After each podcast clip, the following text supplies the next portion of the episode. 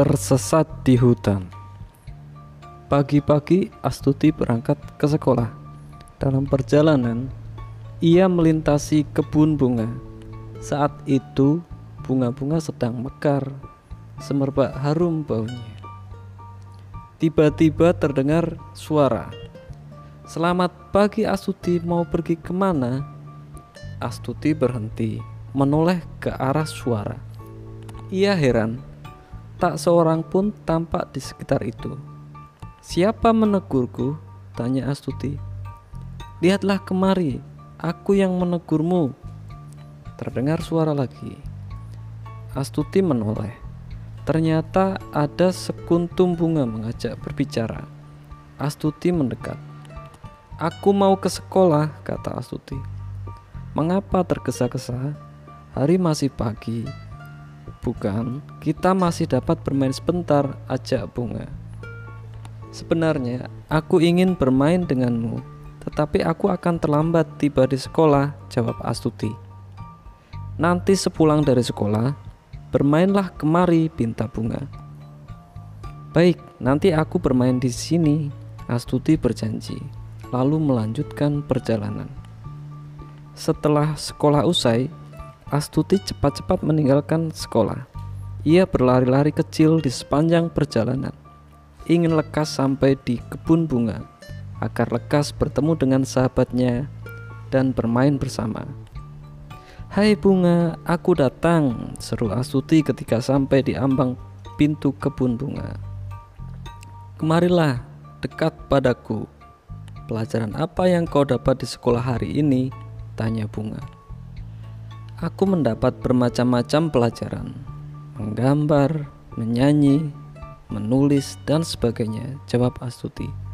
Oh, alangkah senang jika aku dapat sekolah sepertimu, keluh bunga. Suasana hening sesat. Angin bertiup sepoi-sepoi, sejuk rasanya. Kedua sahabat itu saling berpandang dengan mesra. Mereka lalu tersenyum bersama, manis sekali. Di sekolah ada pelajaran menyanyi bukan? Maukah kau bernyanyi untukku? pinta bunga. Baik, aku akan bernyanyi untukmu, jawab Astuti. Lalu Astuti menyanyi. Suaranya sangat merdu. Bunga mendengarkan dengan sungguh-sungguh. Ia sangat senang. Ia menari mengikuti irama nyanyian Astuti. Usai menyanyi, Astuti bertepuk tangan. Bunga melonjak-lonjak kegirangan. Tatkala mereka sedang asik bermain, datang seekor kupu-kupu kuning Tampaknya kalian sedang asik, tegur kupu-kupu. Kami sedang bernyanyi dan menari, jawab bunga. Bolehkah aku ikut serta? Tanya kupu-kupu. Oh, tentu boleh, jawab Astuti. Kini mereka bermain bertiga. Astuti menyanyi, sedangkan bunga dan kupu-kupu menari. Sungguh riang gembira suasananya. Setelah mereka lama bermain, kupu-kupu mohon diri pulang ke tempat tinggalnya. Aku juga mau pulang sekarang, kata Astuti. Kita bisa berjalan bersama, ajak kupu-kupu. Setelah mengucap selamat tinggal kepada bunga, Astuti dan kupu-kupu meninggalkan tempat itu. Dalam perjalanan, mereka asik berbicara. Kadang-kadang diselingi sendaguro dan tawa riang. Sebaiknya kau singgah ke tempatku dahulu, ajak kupu-kupu. Tetapi hari sudah sangat siang, lagi pula aku sudah lapar. Kapan-kapan saja aku bermain ke tempatmu, jawab Astuti.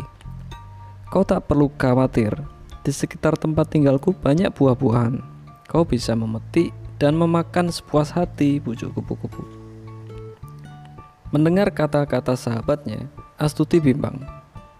Aku sangat suka buah-buahan, pikir Astuti. Dan sebenarnya aku ingin bermain dengan kupu-kupu lebih lama Kau tak perlu ragu-ragu, pokoknya beres, bujuk kupu-kupu lagi. Astuti tidak jadi pulang. Ia mengikuti kupu-kupu. Astuti ingin bermain lebih lama dengan sahabat baru. Apalagi katanya dia di sekitar tempat tinggal kupu-kupu banyak buah-buahan. Astuti jadi lupa waktu, lupa dengan orang tua, lupa akan nasihat-nasihat yang diterima. Biar sekali ini aku terlambat pulang, ibu dan bapak pasti tidak marah. Bukankah aku putri satu-satunya? Astuti berbicara kepada dirinya sendiri. Cukup jauh Astuti berjalan mengikuti kupu-kupu. Sebenarnya letih juga kakinya, namun tak dirasakan. Akhirnya mereka sampai di pinggiran hutan. Aku bertempat tinggal di sini, kata kupu-kupu. Sendiriankah engkau di sini? tanya Astuti. Tidak, aku bersama saudara-saudaraku. Sebentar lagi mereka pasti datang, jawab kupu-kupu. Tak lama kemudian, datang beberapa ekor kupu-kupu mendekati Astuti. Mereka mengelilingi Astuti sambil menari. Astuti sangat gembira, tertawa sambil meloncat-loncat ke kirangan. Beberapa waktu kemudian, Astuti diajak ke hutan. Ia senang karena waktu itu banyak teman-teman yang mau bermain dengannya.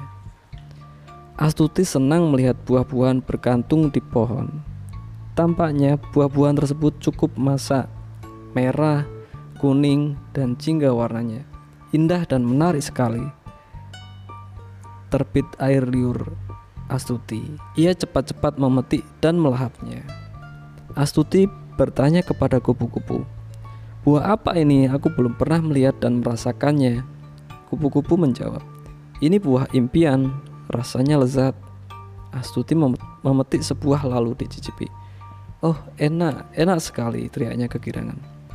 Belum pernah ia merasakan buah selezat itu. Ia lalu memetik sebuah lagi dan dimakan lahap sekali. Kemudian memetik sebanyak-banyaknya dan dimakannya. Seumpama ibu Asuti tahu, pasti melarang makan buah sebanyak itu. Sebab makan buah terlalu banyak dapat mengakibat, mengakibatkan sakit perut. Astuti tahu tentang itu, tapi tak peduli. Ia makan sepuasnya, apalagi buah tersebut nikmat dan lezat rasanya. Setelah lama di hutan, mungkin karena lelah, kupu-kupu satu persatu pergi dari situ. Suasananya, suasana jadi sepi dan sunyi. Rasa gembira telah hilang seketika, berubah menjadi rasa sedih dan takut. Astuti berlari-lari meninggalkan tempat itu sesaat kemudian. Ia berhenti, memandang sekeliling. Ia sadar, ia belum pernah mengenal daerah ini. Ia tersesat tidak tahu jalan pulang. Ia ketakutan, panik dan kebingungan. Ia menangis. Ia sekarang menyesal mengapa usai sekolah tidak langsung pulang, mengapa menuruti kemauan sendiri. Penyesalan sudah terlambat, dan ini upah dari semua perbuatannya. Astuti yang cantik sekarang tidak cantik lagi. Wajahnya kuyu dan pucat. Astuti tidak manis, tidak pula menarik lagi.